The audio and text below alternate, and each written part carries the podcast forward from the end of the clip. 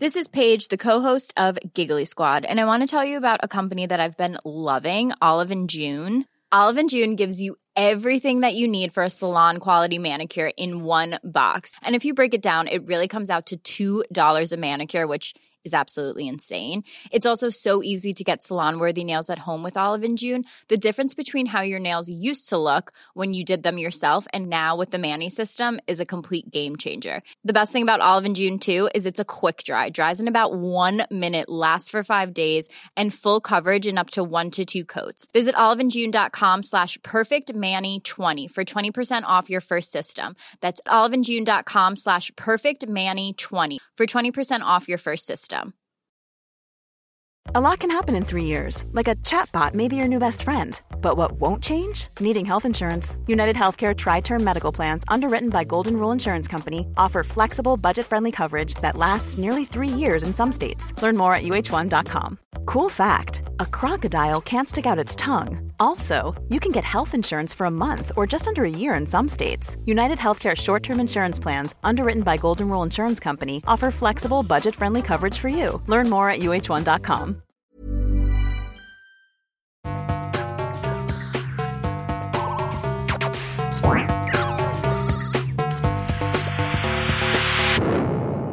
Velkommen til Sinnsyn. Jeg heter Sondre Risom Livre, er psykolog, og dette er Webpsykologens podkast. Hverdagspsykologi for fagfolk og folk flest.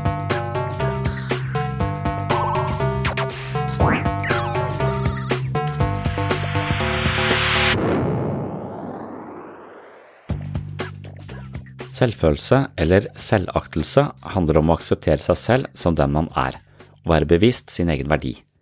Begrepet selvfølelse brukes i psykoterapi, men også i dagligtalen. Lav selvfølelse gjenkjennes med usikkerhet, selvkritikk og skyldfølelse. En kan ha selvtillit som fotballspiller, men ha lav selvfølelse. Hvis en har en sunn selvfølelse, er selvtilliten sjelden et problem. Det motsatte er ikke tilfellet.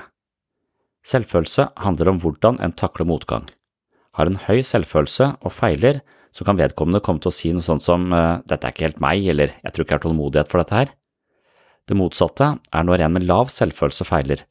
Da tenderer de til å uttale seg mer i denne retningen. Jeg får aldri noe til, jeg veit jeg er dum. Det er svært stor forskjell på å vite at en ikke er flink til noe, og på å føle seg mislykka og dum. Selvfølelse er en tematikk jeg har jobbet mye med og skrevet mye om. I dagens episode skal vi tilbake til temaet, og jeg vil fokusere på Nathaniel Brandons seks grunnpilarer i god selvfølelse. Som kjent for faste lyttere har jeg skrevet en bok om selvfølelse. Den heter Selvfølelsens psykologi – bedre selvfølelse ved å bruke hodet litt annerledes. Det er en bok hvor jeg forsøker å samle ulike teorier om selvfølelse kombinert med over 20 øvelser myntet på forbedring av selvfølelse. Hvis du etter dagens episode ønsker å gå mer i dybden på selvfølelse og lurer på hvordan man kan styrke sin selvfølelse, kan du anskaffe deg boka til best pris med gratis frakt på min bokhandel på webpsykologen.no. Hvis du liker lydbøker, kan du også høre meg lese boka, kapittel for kapittel, på min Patron-side. Ved å tegne et abonnement på patron.com for segs sinnssyn blir du blant de lytterne som støtter dette prosjektet, og som takk for støtten, som altså sørger for at denne podkasten her er i live, får du tilgang til Selvfølelsens psykologi som lydbok og masse annet ekstramateriale fra denne podkasten. Du finner flere hundre poster med ekstra episoder av sinnssyn og masse videoforedrag i tillegg til lydboka. Du vil også finne oppfølgeren til Selvfølelsens psykologi, som handler om selvbildet. Boka heter Jeg, meg selv og selvbildet, om å bli den man er, fullt og helt. Denne boka blir også lest inn som lydbok av meg. Tanken er at disse bøkene, som til sammen inneholder over 50 mentale øvelser, fungerer som treningsmanual på mitt mentale treningsstudio. Patron er altså en side med masse mer sinnssyn, lydbøker og øvelser som skal hjelpe deg å implementere det du forstår om deg selv og livet i selve livet. Det er greit å forstå mer av psykologi og hva som foregår i vårt indre liv, det jeg kaller for sinnssyn, men denne innsikten har ikke så mye verdi hvis ikke vi klarer å bruke den i livet. Evnen til å sjøsette teori og innsikt i levd liv er altså hovedmålsettingen på mitt mentale treningsstudio, som du altså kan tegne et abonnement på via patron.com for segs sinnssyn. Det var det, nå går vi til foredraget om selvfølelse basert på Nathaniel Brandons seks grunnpilarer i god selvfølelse.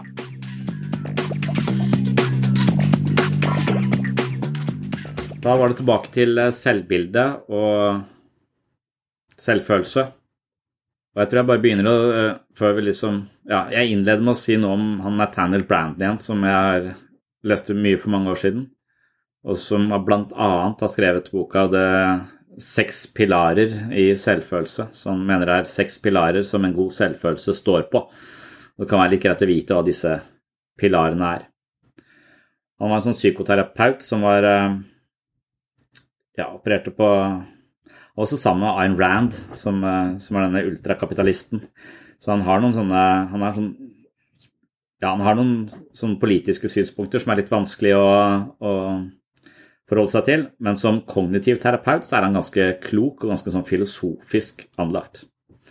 Så denne seks pilarer for god selvfølelse, så begynner han å skrive om en, eh, om en pasient han hadde som var eh, alkoholiker og arkitekt. Og bare for å illustrere hvordan denne selvfølelsen fungerer, så, så beskriver han eh, litt av denne utviklingen til denne arkitekten, for han var usedvanlig dyktig. Og hans eh, kompetanse ble verdsatt, så idet han var i ferd med å lande et gedigent eh, prosjekt som andre arkitekter ville blitt begeistra og, og, veldig glad for, så ble han isteden ekstremt engstelig og usikker og begynte bare å drikke mer, så prosjektet gikk i dass. Så med god selvfølelse så kan du begeistre deg over at du får ting til, mens med dårlig selvfølelse så blir du stressa når du får ting til. Såpass stressa at du kanskje ikke klarer å gjennomføre.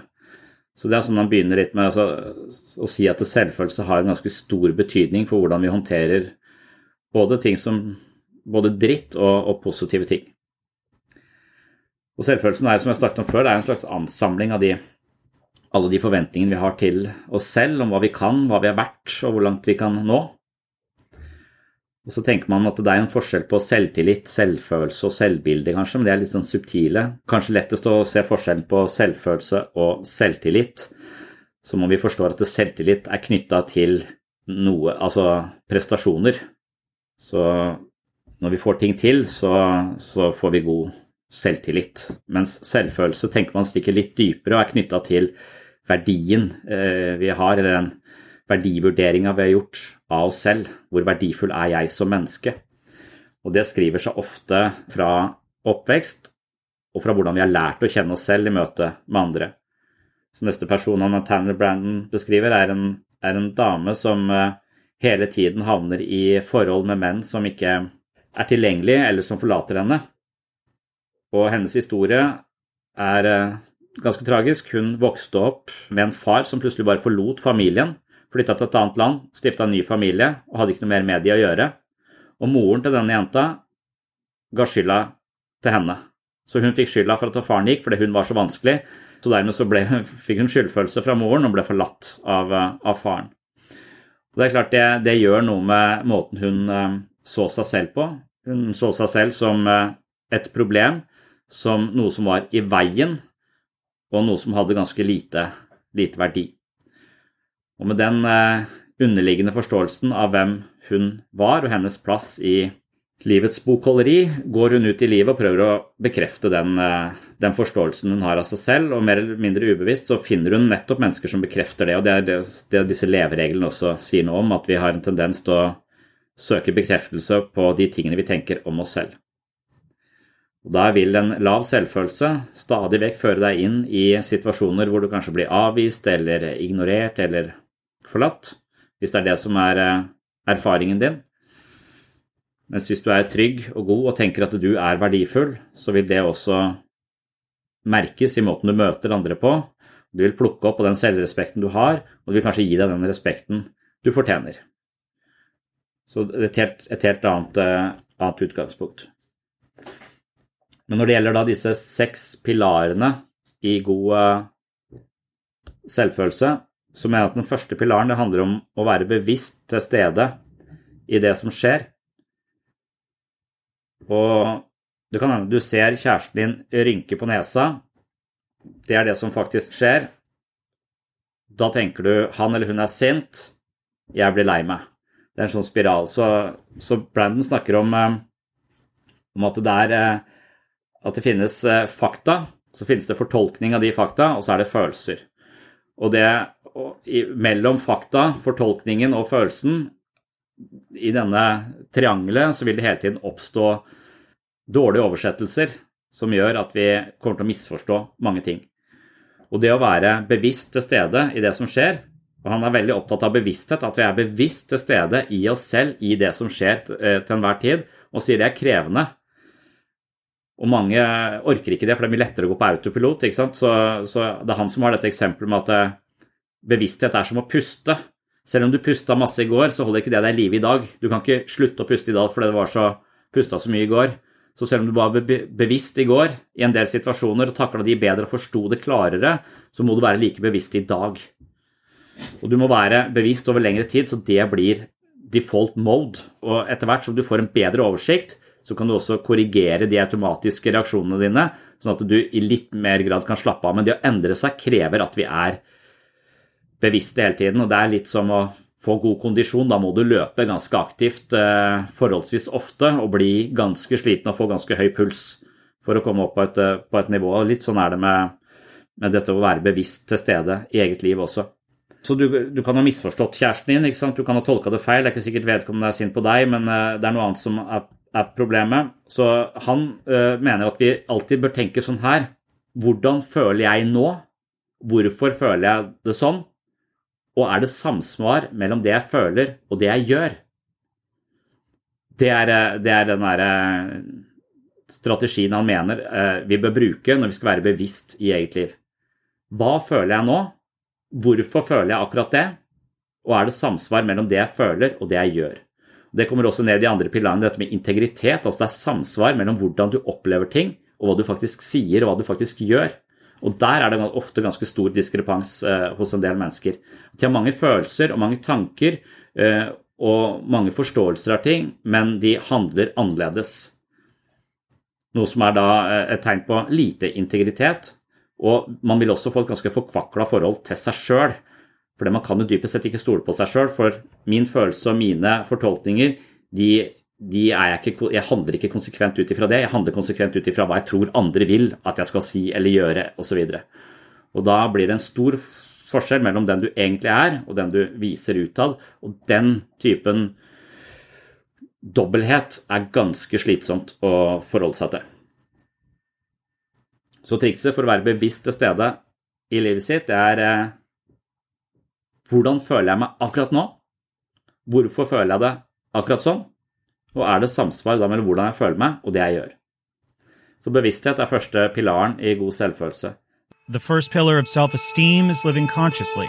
It doesn't mean we have to like what we see, but it, we have to see it. And we all know that we live in a world that favors unconsciousness about so many things. Like, don't yeah. rock the boat. Don't upset that apple cart don't ruffle people's feathers or rattle people's cages, you know, that kind of thing. The cages that we live in don't want to be rattled in some sense because it upsets the systems. The systems are in equilibrium. So, how to live consciously amidst all these things that are going against living consciously, that itself is a challenge and that can lead to living less consciously because it's easier in some sense. I think that that explains a lot of the state of the world today.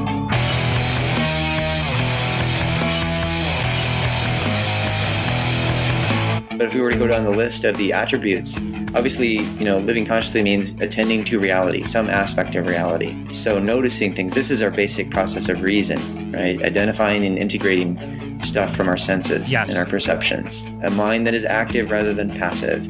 An intelligence that takes joy in its own function.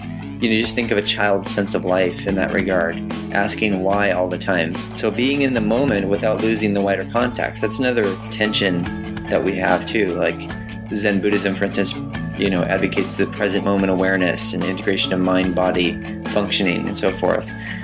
But it's also important to keep conscious of that wider context. So why are we doing the things we're doing? Why is this culture the way it is? Mm-hmm. You know, why are people pursuing these values instead of those values? Why are they using these strategies instead of those strategies? The question why really is the essence of living consciously, isn't it? In some sense.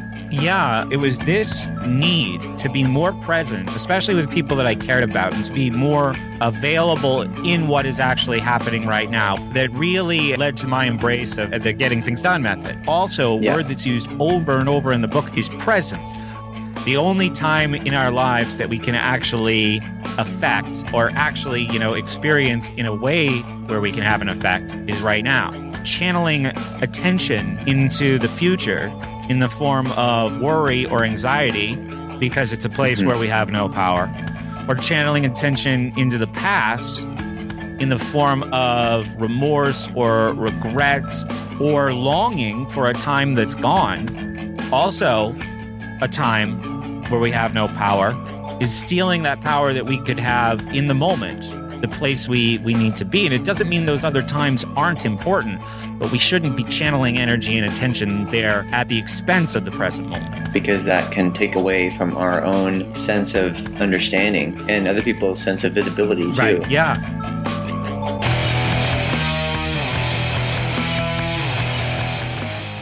Så bevissthet er første pilaren i god selvfølelse. Neste pilar er selvaksept.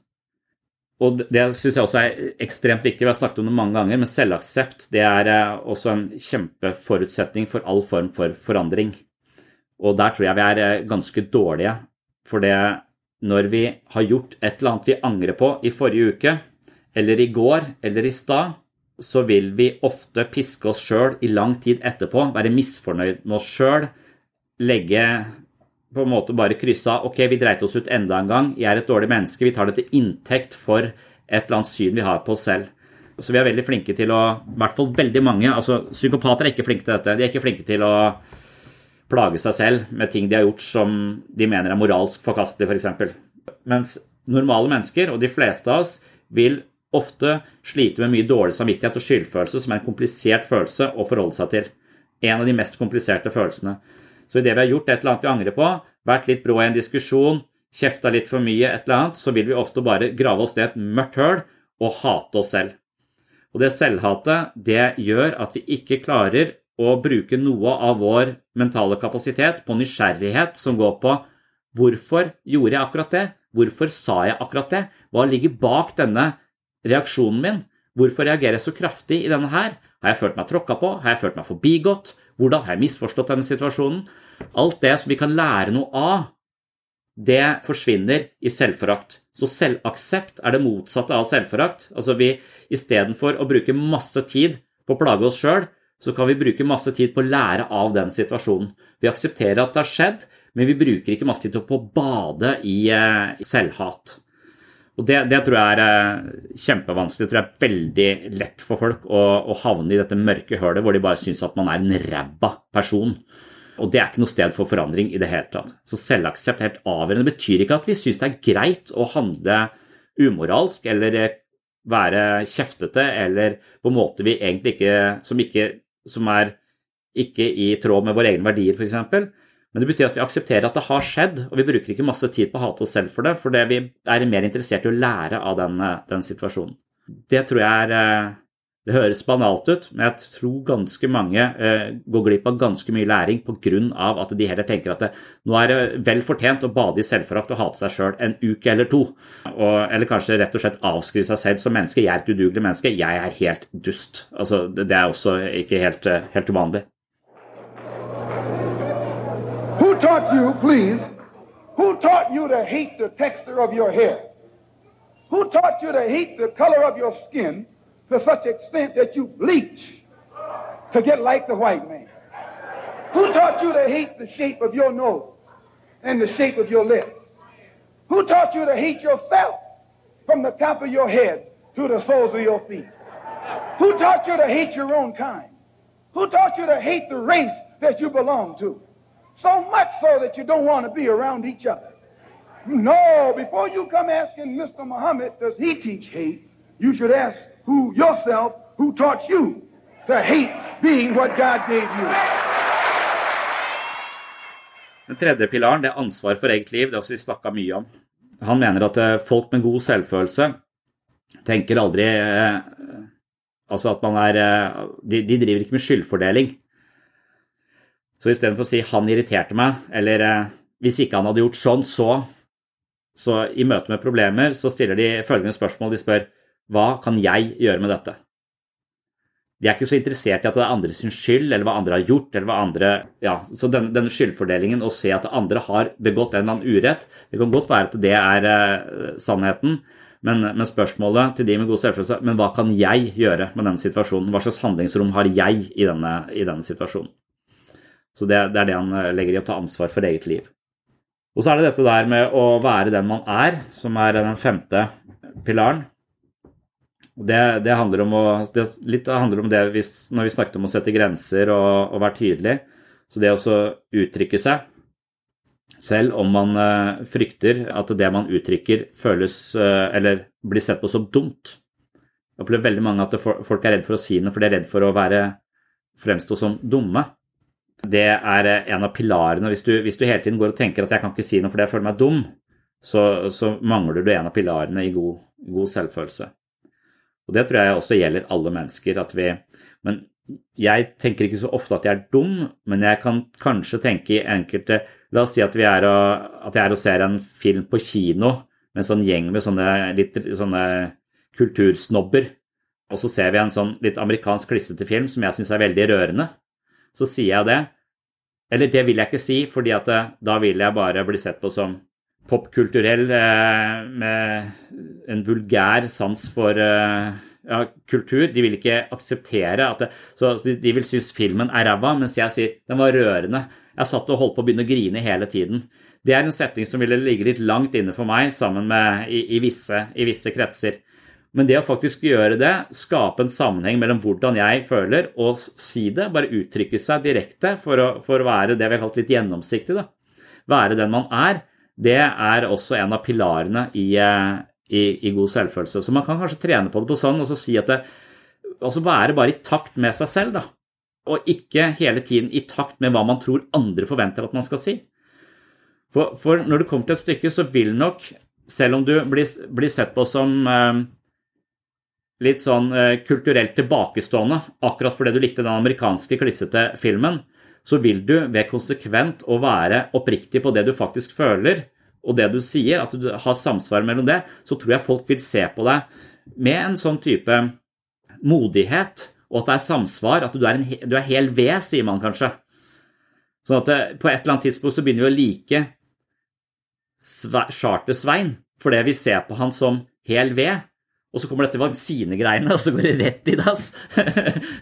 men, men, uansett, at, at er, han er ikke så jålete, han prøver ikke å være noe annet enn det han er. Og langsomt så er det det som faktisk kanskje fortjener respekt, og som folk liker. Svein klarte å tylle seg 19 shots i løpet av fotballkampen. Og nå er Gunnar spent på om han vil greie å få med seg Svein tilbake til hotellet. Hvordan, Svein? Er ikke helt til stedet nå? Jo, jo, jo, altså, jeg kjenner at det er eh, Da jeg var veldig høyt oppe, da, så var jeg en nå Det kommer litt mer sigende nå. Faktisk, det er litt tregere, og diksjonen er på en måte litt annerledes enn den vanlige? Ja, men jeg skal klare meg, da. Jeg tror på det. Nei, det er dødfødt. 19 uh, shots. Det er imponerende. Det er veldig imponerende.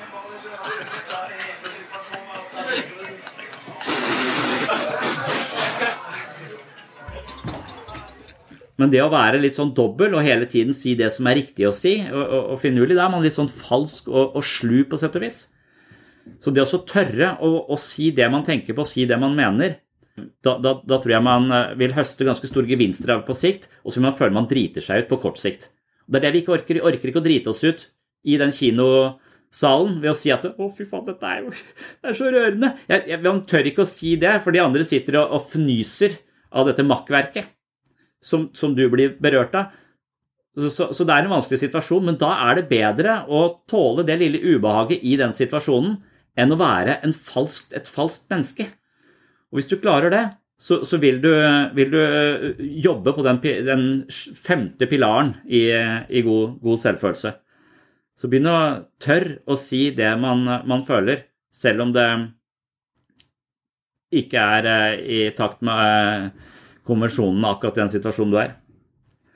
Og så er det dette med å leve med mening og integritet som relaterer seg til dette. er den sjette pilaren. Det handler litt om å ha eh, ambisjoner og, og, sette seg mål, men det handler også om å forstå at Eller det handler om noe mer, det handler kanskje mer om verdier. At det er en forskjell på det å ha mål og verdier. For det å sette seg et mål, det er ofte litt overfladisk. Så hvis du f.eks. vil bli forfatter, så, så, er det å sette seg et mål om å skrive en bok på den og den eh, tida, det er ikke det viktigste du gjør. Det viktigste du gjør, er å kultivere livet som forfatter. Gjøre små ting, legge deg til vaner, rutiner som, som bygger opp under det å være en, en forfatter. Og, og, jeg tror eh, det å leve med mening og integritet, det, det, det er en av de pilarene jeg selv syns er mest interessant å, å jobbe på. Fordi jeg mener at det er der jeg selv er mest ustabil. For det finnes en sånn test man kan ta på verdier hvor, eh, som er en del av ACT-terapi, som er Acceptance and Commitment Therapy, som jeg har eh, prøvd å sette meg inn i i det siste. Og Der eh, lister han opp sånn type 15 verdier. Skal du score hvor høyt syns du, eller hvor, hvor viktig er denne verdien her sånn, på en skala fra 1 til 10? Og på veldig mange av disse parameterne så scorer jeg veldig høyt. Det å være en forelder, det syns jeg er veldig viktig. Det å være en god venn, det syns jeg er veldig viktig. Det å prioritere næreste familie syns jeg er veldig viktig. Det å prioritere interesser syns jeg er veldig viktig. Det å ha ambisjon det er mange, Spiritualitet er en, er en sånn verdi. altså Det er mange forskjellige verdier. Og så scorer du deg selv hvor viktig du syns det er, og så ser jeg at alle de verdiene han foreslår, syns jeg er veldig viktig. Og så er det bare et par av de hvor jeg kan score meg selv. Ja, jeg syns det er ti viktig, og hvis den verdien er så viktig for deg, lever du i tråd med den verdien? Nei. Altså, Hvis jeg mener at vennskap er viktig, så holder det ikke å ringe vennene mine hvert annet år, eller når de fyller et eller annet rundt år. Altså 30, 40, 50. Altså, Hvis jeg syns venner er viktig, så bør jeg ringe de litt oftere, men det gjør jeg ikke. Så jeg, jeg rangerer vennskap som ekstremt viktig, men jeg handler overhodet ikke på, uh, på, egen, på mitt eget verdigrunnlag. Og, og, der fant jeg mange sånne parametere. Jeg tenker jeg er helt i utakt med mine egne verdier. Og det går uh, potensielt sett også på uh, selvfølelsen løs.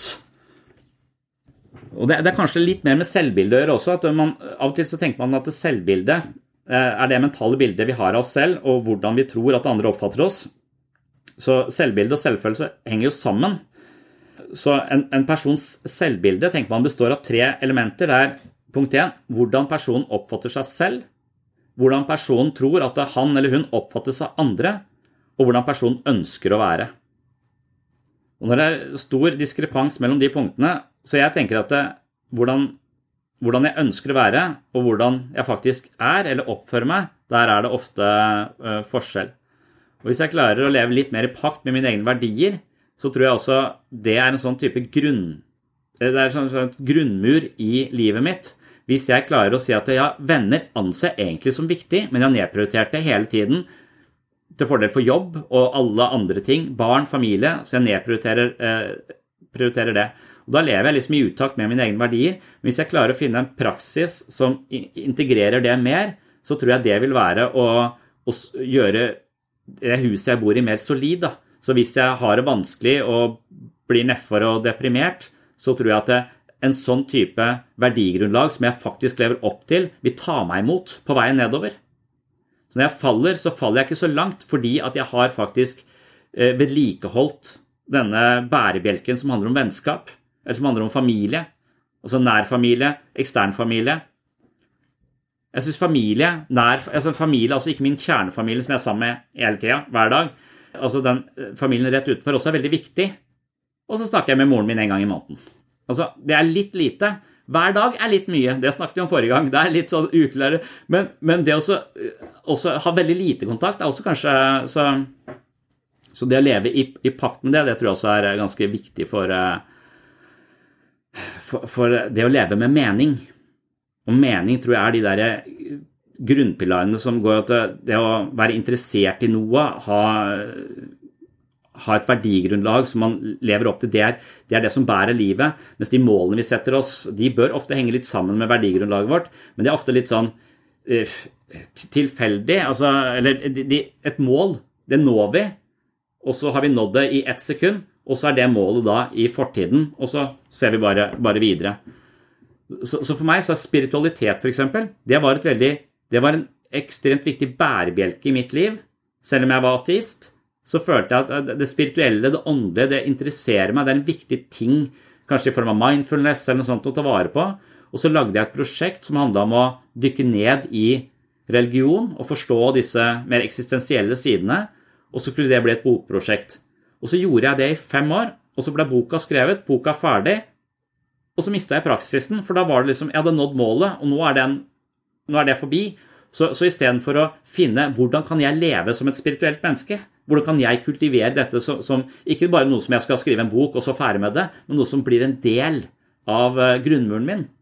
Det klarte jeg ikke finne. Jeg skjønte hvor jævla viktig det var i de fem åra jeg faktisk hadde det, men pga. at det bare var et prosjekt, et mål, så hang det litt løst. Det må forankres dypere i verdiene mine, i måten jeg lever på, i måten jeg tenker på, i måten jeg velger på og prioriterer på i forhold til å bruke tid. Jeg tror veldig mange har mye å hente på å reflektere litt over sitt eget verdigrunnlag og sjekke om det er diskrepans mellom det, de verdiene de faktisk har, og måten de oppfører seg på. Og man kan også ha ganske mye å hente på er det samsvar mellom hva jeg tenker og føler, og hva jeg faktisk sier. Eller hva jeg gjør. For hvis ikke det er det, så er du utro mot deg selv. Og utroskap mot andre, det er kjipt, men det å være utro mot seg selv er tilsvarende kjipt. Jeg er litt enig. Det er nok lettere å akseptere andres uh, feil enn å akseptere våre egne tilkortkommenheter. For, for det, men også, og da det, dette med disse grunnpilarene altså Vi ser på det, det, vil si at det er seks grunnpilarer i selvfølelse. Hvis, han, hvis, det stemmer, da Det stemmer sikkert ikke, da, men hvis, la oss si det stemmer. Så, så, vil det være viktig det du sier nå. For det, det å tenke at ok, jeg kan tilgi andre, andre begår urett, men spørsmålet er hva kan jeg gjøre med dette? Så det å ta ansvar for eget liv er å ta ansvar for det man selv gjør av uh, ting som ikke er helt uh, innafor osv., og så ta ansvar for, for, dette. Men hvis du tar ansvar og, og, for det så, og ikke aksepterer deg selv, så vil du havne i selvhat. For hvis du først skal ta ansvar Ok, dette min feil. Beklager. Skulle ikke gjort det. Altså, du tar ansvar i en situasjon. Men hvis du, tar, hvis du da ikke skjønner dette med selvaksept, og begynner å hate deg selv for det, så er du i en sånn spiral, for da er, da er en av disse pilarene for kort, og da er hele huset egentlig skeivt. Altså hele, hele, selvfølelsen din vil lide. For du er nødt til, for å ta ansvar, også ha selvaksept. For da, da, er du interessert i å se hva er det jeg kommer med, hva er det mine uh, mine ubevisste tilbøyeligheter i dette her, hva er det jeg ikke orker å se ved meg selv, og så ta ansvar for det. Men hvis du da ser det og bare hater deg sjøl for det, så er du eh, på et, eh, på et, blindspor. Du må se det, være nysgjerrig på det, lære av det. Ja. Jeg tenker også ofte sånn at jeg får bare prøve å gjøre det bedre neste gang. Og da er spørsmålet om i det jeg sier det, at jeg bare skyver den dårlige samvittigheten min under teppet og tenker ja, ja, uh, shit happens. Eller om jeg, om jeg, faktisk tenker at ja, jeg skal gjøre det bedre neste gang, men at jeg egentlig har planta en sånn liten grad av selvforakt som jeg ikke orker og makter å se på, og så lukker øynene litt og bare går videre, og dermed går i den samme grøfta neste gang også. Så det er det der, Jeg tenker at jeg skal gjøre det bedre neste gang, men ofte så sier jeg det bare for å lukke øynene og gå videre og, og late som det ikke har skjedd og, og, og, putte et eller annet i bagasjen min som kommer til å tupe meg i ræva neste gang, som jeg ikke orker å se på da heller. Så det, det, er litt det motsatte av å være bevisst. Men det kan også være å være bevisst da, og så si at ok, denne situasjonen håndterte jeg dritdårlig. Hvorfor gjorde jeg det? Hvorfor sa jeg det? Hvorfor ble jeg så forbanna? For, for det er jo litt lettere å re... Altså, vi tenker om kriminelle, f.eks. Vi driver jo ikke i vårt land og straffer kriminelle fordi de fortjener straff vi ønsker å rehabilitere de. Vi ønsker å hjelpe de til å bli bedre, til å komme seg ut av kriminalitet eller ut av eh, et eller annet destruktivt sinnelag de måtte befinne seg i som går utover andre. Så vi tenker at de skal ha behandling og rehabilitering og hjelpes tilbake til samfunnet. Så vi er jo, det er, det er ikke, Vårt rettssystem hviler ikke på at folk skal straffes nødvendigvis eller tortureres for noe de har gjort feil.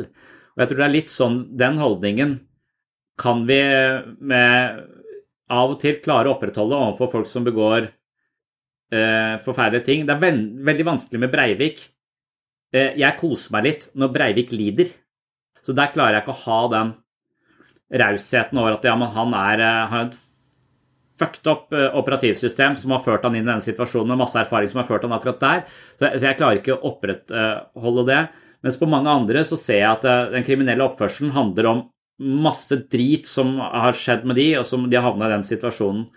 Og Det er litt det samme vi bør ha på oss selv. Da, å, Men jeg tror ofte vi tenker at det, siden jeg har vært så dum, så fortjener jeg straff. Da fortjener jeg ikke få det sånn. Eller, altså, at vi er, har mer sånn straffeholdning til oss selv ofte. Istedenfor å ha et rehabiliteringsperspektiv på oss sjøl. Nå skal vi se på hva som skjedde her, hvorfor det skjedde. Hva, at, at den eh, det er noe vi kanskje på et sånt samfunnsnivå og overfor andre klarer å se hvis vi er ganske rause som, som, mennesker, men det er ikke alt vi klarer å ha den rehabiliteringsperspektivet på oss selv, tror jeg. Da tror jeg mer sånn at ja, du har gjort det, da skal du straffes. Du får ikke lov til å ha det bra på et år. Slutter å spise eh, sunt bare fordi det er en måte å straffe deg selv på. Det er ikke sikkert at du er bevisst engang. Du bare begynner å handle på måter som skader deg sjøl. Du trener ikke, du treffer ikke andre, du går ikke ut alt det du skulle håpe, det, all den driten du kan påføre deg selv fordi du føler du har begått en eller annen urett eller har vært dum eller eh, ikke strukket til på den måten du hadde tenkt, eller noe, så skal du straffes eh, for det. Så, så, da har du den holdningen overfor deg selv som jeg har for Breivik. Jeg håper han ikke treffer noen. Jeg håper han kjeder seg i hjel. Jeg håper han eh, Ikke sant?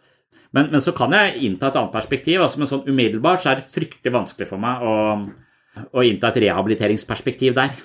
Og jeg tror det er vanskelig på noen enkelte ting som skjer rundt oss i samfunnet, mens jeg tror vi klarer det ganske bredt, ganske gode der, hvis du er ganske dårlig på oss sjøl. If you're looking for plump lips that last, you need to know about Juvederm lip fillers. With Juvederm Volbella XC and Juvederm Ultra XC, your lip look, whether it's subtle or bold, can last up to one full year with optimal treatment and no additional maintenance. Find a licensed specialist and see if it's right for you at Juvederm.com today. That's J U V E D E R M.com. Add fullness to lips in adults over 21 with Juvederm Volbella XC or Juvederm Ultra XC. Do not use if you have severe allergies or a history of severe allergic reactions, or if you're allergic to lidocaine or the proteins used in Juvederm. Tell your doctor if you have a history of scarring or taking medicines that decrease the body's immune response or that can prolong bleeding. Common side effects include injection site redness, swelling, pain, tenderness, firmness, lumps, bumps, bruising, discoloration, or itching. As with all fillers, there's a rare risk of unintentional injection into a blood vessel, which can cause vision abnormalities, blindness, stroke, temporary scabs, or scarring. For full important safety information, visit Juvederm.com. When you're ready to pop the question, the last thing you want to do is second guess the ring. At Bluenile.com, you can design a one of a kind ring with the ease and convenience of shopping online. Choose your diamond and setting. When you find the one, you'll get it delivered right to your door. Go to Bluenile.com and use promo code LISTEN to get $50 off your purchase of $500 or more. That's code LISTEN at Bluenile.com for $50 off your purchase. Bluenile.com code LISTEN. Millions of people have lost weight with personalized plans from Noom, like Evan, who can't stand salads and still lost 50 pounds. Salads, generally, for most people, are the easy button, right? For me, that wasn't an option. I never really was a salad guy. That's just not who I am. But Noom worked for me. Get your personalized plan today at Noom.com. Real Noom user compensated to provide their story. In four weeks, the typical Noom user can expect to lose one to two pounds per week. Individual results may vary. Når jeg oppdager den der ubalansen mellom mine egne verdier og måten jeg oppfører meg på, så er det lettest å ikke ta det inn over seg. For det betyr jo også at jeg har levd på feil premisser i mange år. Og det å innse at jeg har levd på feil premisser i mange år, det er ganske sånn Faen, jeg har jo ikke så mange år. Jeg har kanskje maks 74,3 år, og så har jeg brukt 20 av de på en, på en, måte som egentlig strider imot mine verdier. Og det, det er så smått som at det bare det å At jeg på et eller annet nivå rangerer intellektuelt vennskap som viktig, men i atferden min ikke gjør det sånn at naboene de tror at jeg er innmari opptatt Det er noen naboer som er på min alder, som er veldig hyggelige. Og, og sånn, de, de, jeg tror de tror at jeg er veldig opptatt, at jeg alltid har, har, mye å gjøre. Og jeg har mye å gjøre, for jeg har laget 400 episoder på sinnssyn.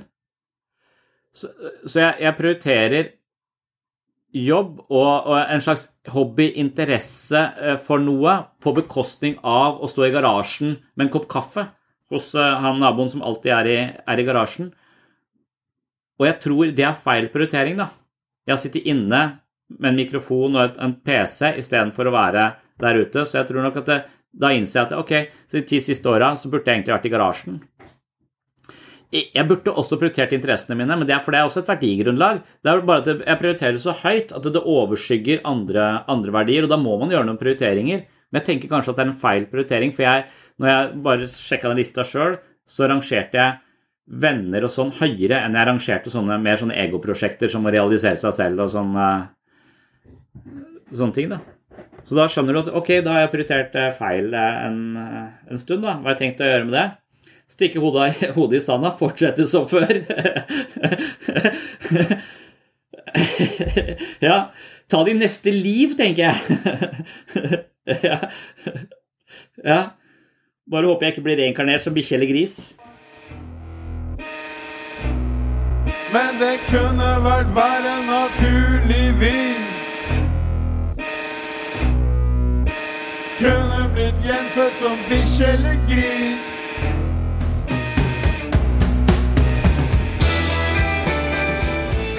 Nei, det kan du si, men jeg bare mener at når jeg, når jeg begynner å reflektere over hva jeg mener er viktige verdier, så scorer vennskap høyt for meg. Altså, jeg, jeg, har, jeg har gode argumenter for at det å være en god venn, ha gode venner, ha et nettverk, være sammen med ø, mennesker er uh, viktig. Kanskje spesielt fordi jeg har lest så sykt mange studier som peker på at det er det, det, viktigste, så jeg har det litt utenfra også. Men samtidig så merker jeg at jeg prioriterer folk her inne.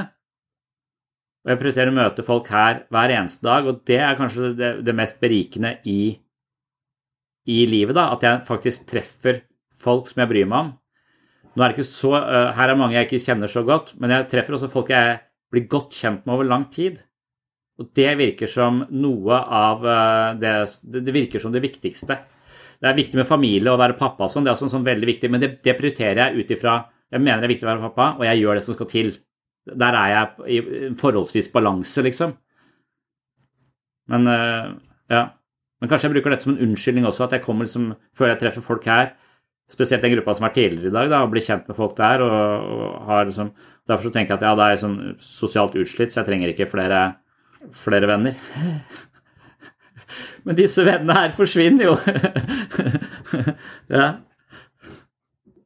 Det du sier, er at du, du, kan ikke helt stole på verdigrunnlaget. Så, så det, men det er der den første grunnpilaren kommer inn, da, det å være bevisst til stede For det er nok det at eh, å lodde dybden i hvorfor handler jeg på denne måten, hvorfor bruker jeg så mye tid på dette, er dette i egoets tjeneste? Er det en sånn slags forfengelighet som, eh, som gir en midlertidig tilfredsstillelse? At eh, du får en eller annen oppmerksomhet, og så blir det borte? så, så at det er mer en sånn alkoholismeaktig motivasjon i, i egoets tjeneste? Det du egentlig driver med, som du logger som veldig verdifullt, for det er mine interesser, eller det er sånn jeg realiserer meg selv, eller noe sånt noe.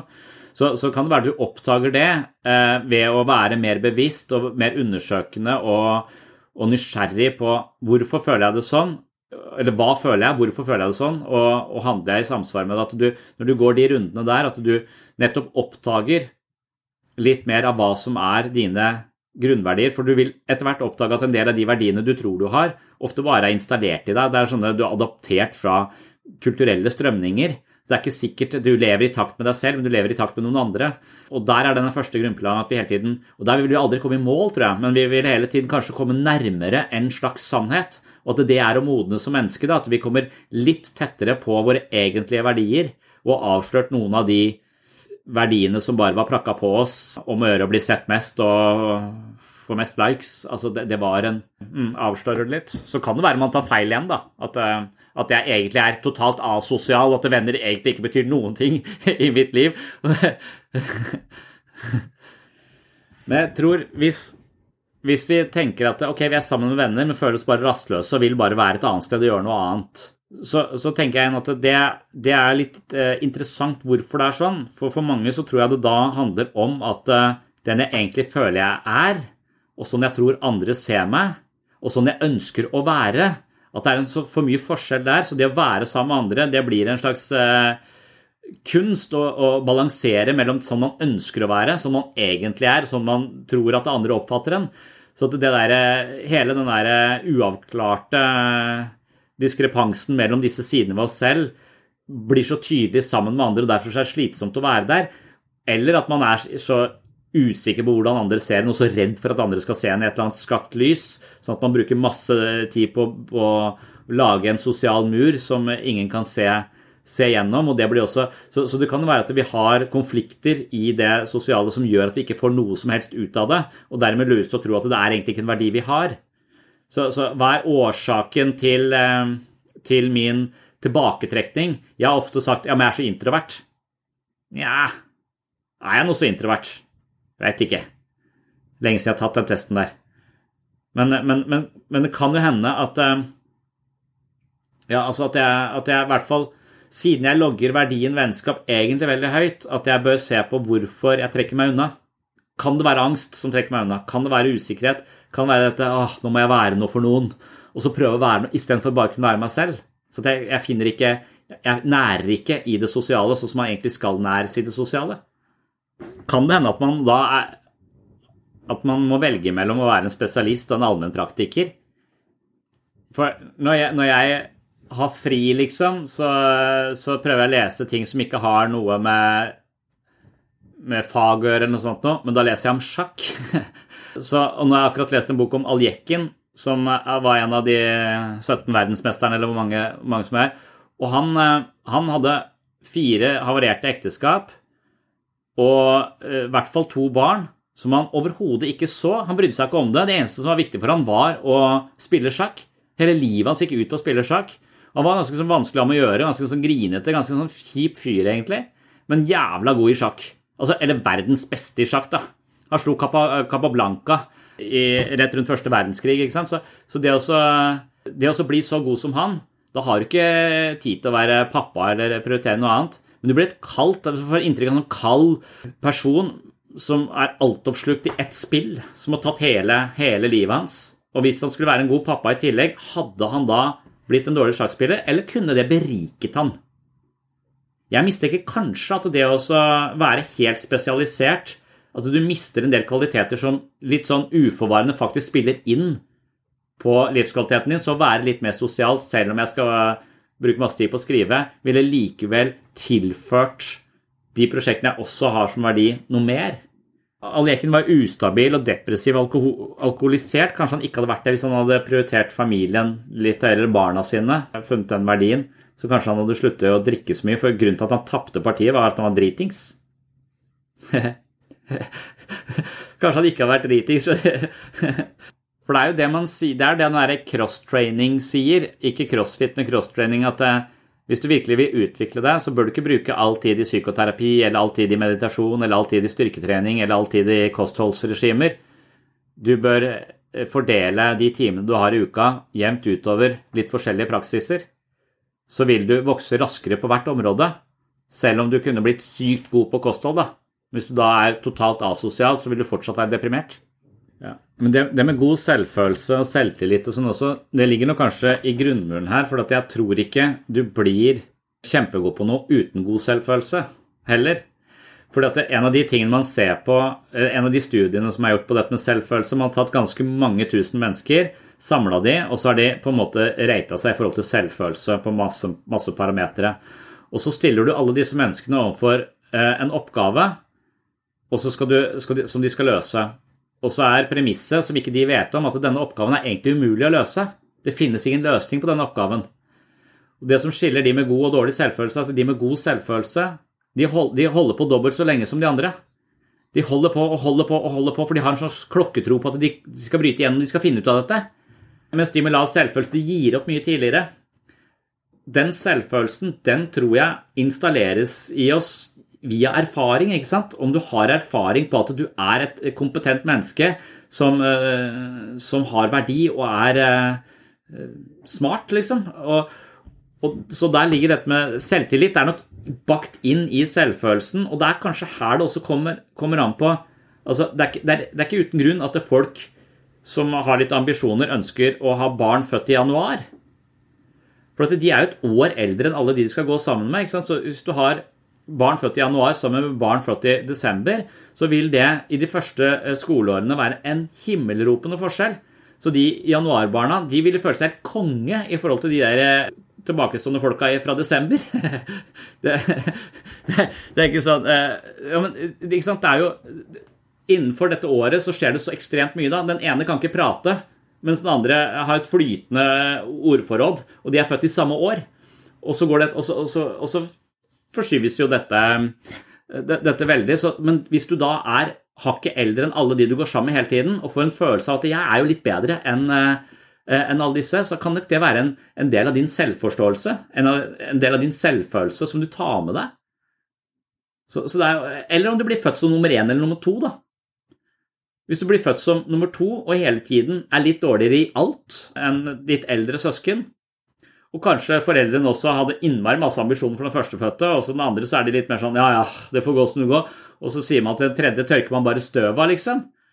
Så de ambisjonene man installerer i den førstefødte, som de skal leve opp til, og de har kjempetroa på osv., det kan være Hele denne dynamikken her er med på å forme dette menneskets selvfølelse, som betyr så enormt mye, da for om dette mennesket vil føle angst hvis det får noe til, eller føle begeistring 'Yes, jeg lander dette prosjektet', eller sånn som alkoholikeren. ikke sant?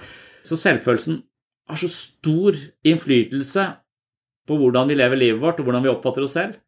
Og så er det sånne tilfeldige faktorer som om vi er født i januar eller, eller desember, eller om vi er født som nummer én eller to, eller hva slags foreldre vi har, selvfølgelig, eller hva slags lærere vi har. Masse sånne. Så denne selvfølelsen er liksom sånn jævlig random skrudd sammen av tilfeldige faktorer, og så påvirker den hele livet vårt så mye. Og Det er derfor denne bevisstheten rundt hvorfor føler jeg det sånn, hvorfor eh, tenker jeg sånn, hvorfor handler jeg sånn, er så viktig. Det er derfor det er så viktig å tenke at alt jeg tenker og føler er feil, for det kan være at du tror du er dårlig bare fordi du er født i desember. Så er du egentlig helt rå på dette området, men bare fordi du er født i desember, så har du trodd at du er dum. Eller ikke får, ikke får det til. Men det spiller jo egentlig ingen rolle. Du, du bare kom noen måneder i bakleksa, og da hadde du gitt opp allerede. Det er nok faren ved den førstefødte. Den førstefødte eh, tjener Folk som er født som nummer én i søskenrekka, tjener litt mer enn de som er født som nummer to.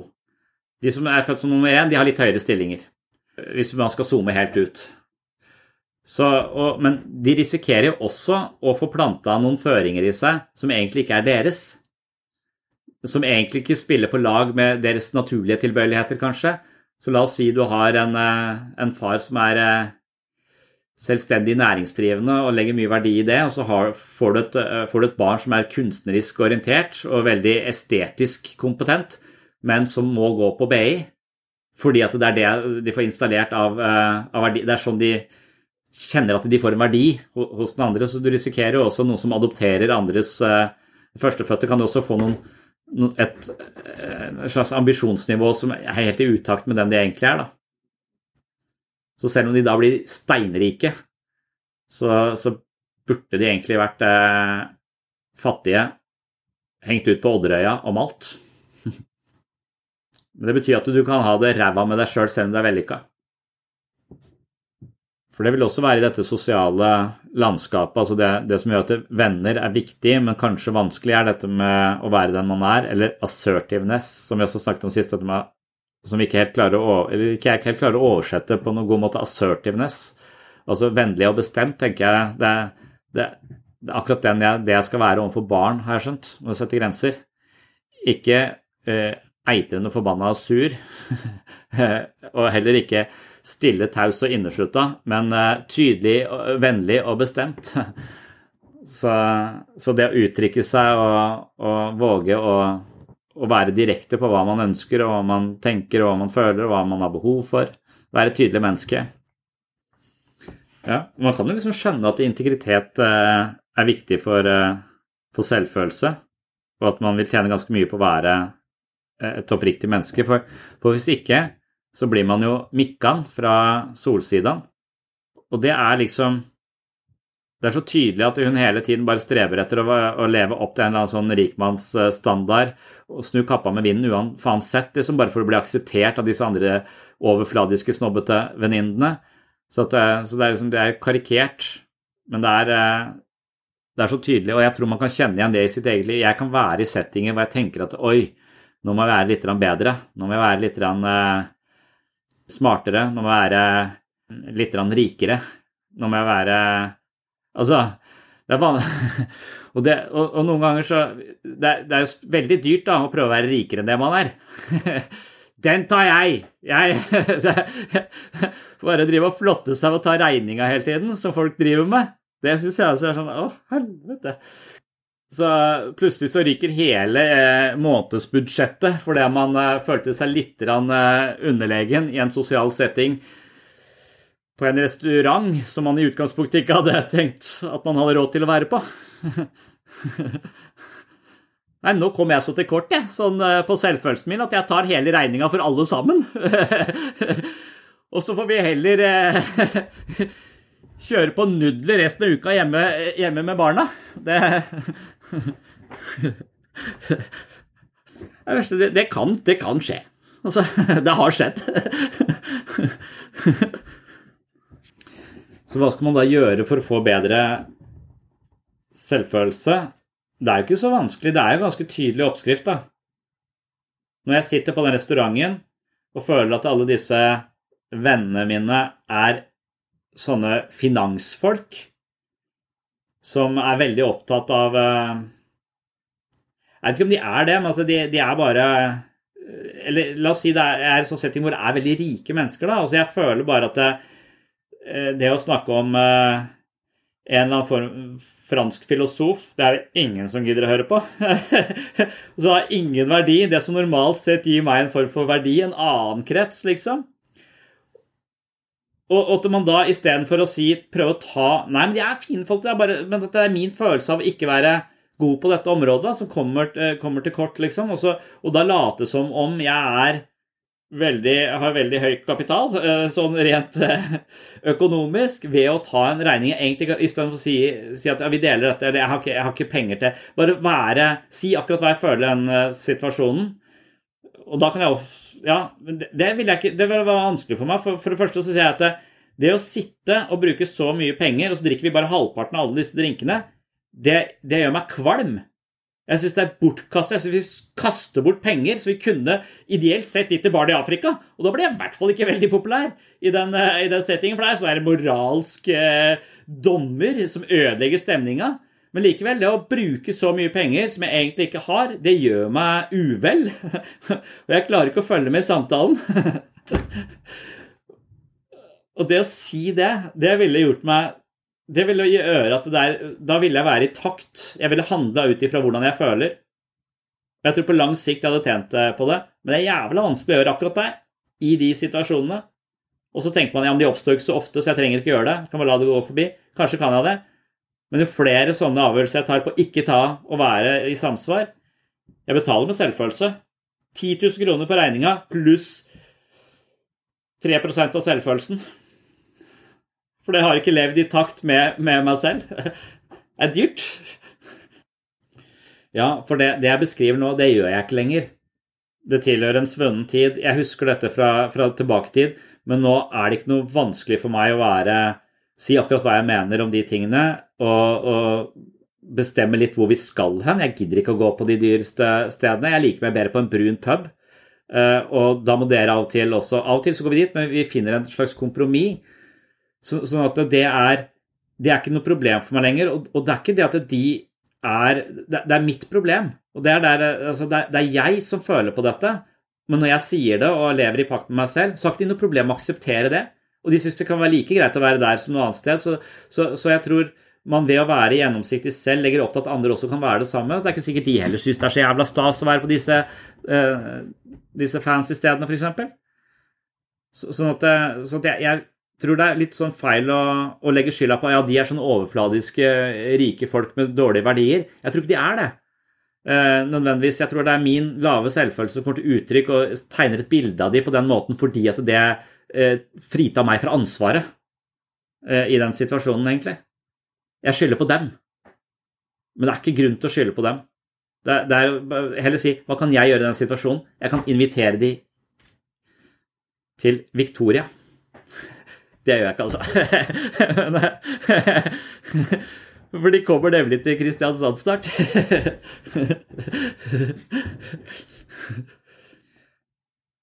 For meg så er dette et fiktivt scenario, det jeg setter opp nå. Det er ikke sånn som jeg beskriver det nå i det hele tatt eh, for min del, men det, men det kan liksom være tendenser, og det kan ha vært i sånne settinger.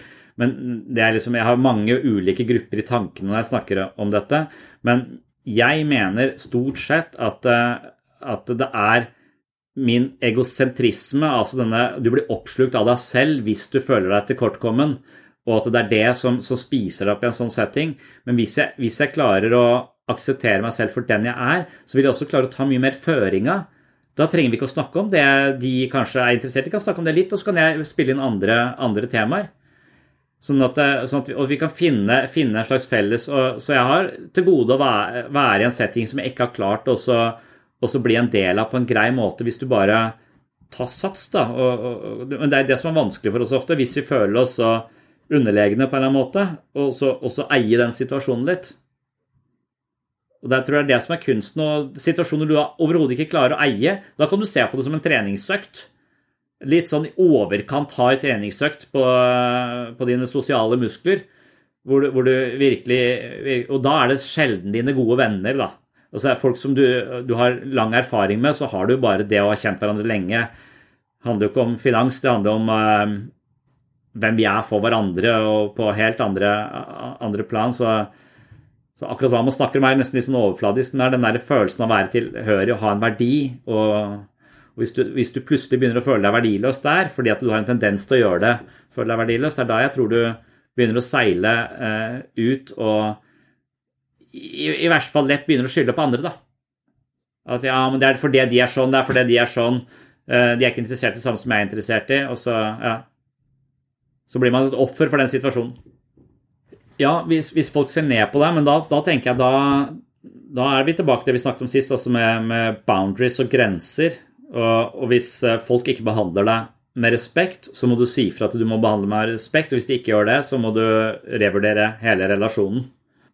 Og, så må du også finne ut av er det fordi jeg selv ikke har, opplever at jeg fortjener respekt, at jeg oppfører meg på en måte som folk nesten nødvendigvis må se ned for å snakke til meg, istedenfor å se rett fram.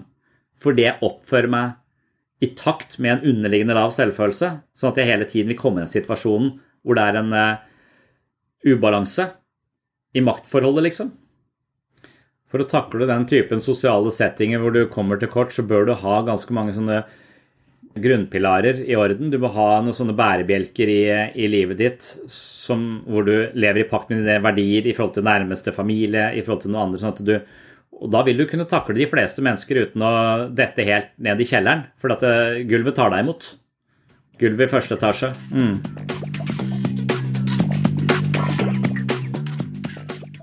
Det var det jeg hadde om selvfølelse i denne omgang.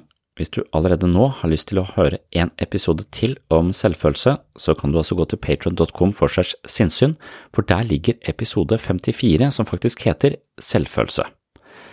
I tillegg så finner du også bøkene mine, Jeg, meg selv og selvbildet og Selvfølelsens psykologi, hvor jeg leser eh, disse bøkene kapittel for kapittel og stopper ved hver øvelse og forsøker å utfordre deg til å bruke det du eventuelt har lært til å gjøre noen endringer i eget liv som kan forbedre selvfølelsen.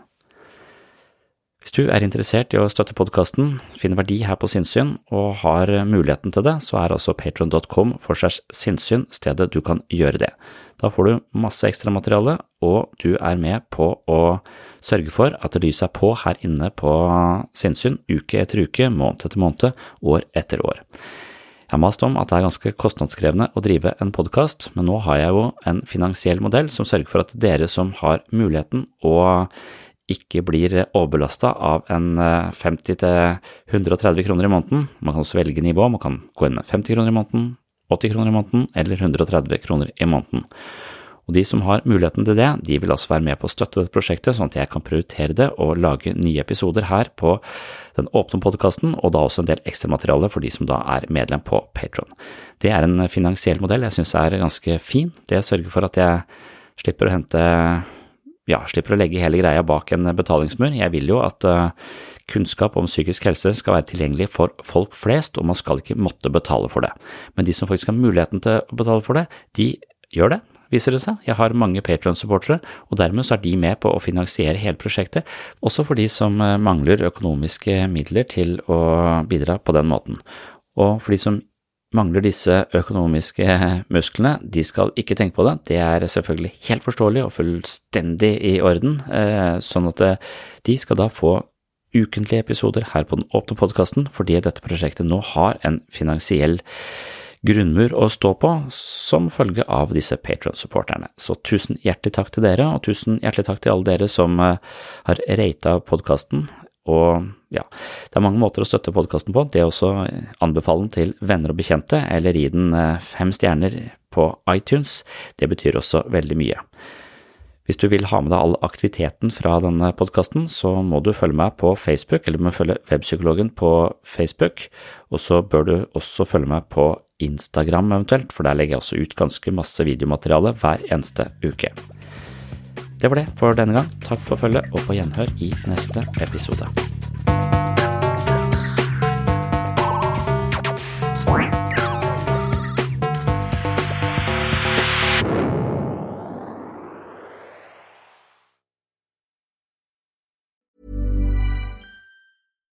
Deserves the best, and there's no better place to shop for Mother's Day than Whole Foods Market. They're your destination for unbeatable savings, from premium gifts to show-stopping flowers and irresistible desserts. Start by saving 33% with Prime on all body care and candles. Then get a 15-stem bunch of tulips for just $9.99 each with Prime. Round out Mom's menu with festive rosé, irresistible berry chantilly cake, and more special treats. Come celebrate Mother's Day at Whole Foods Market.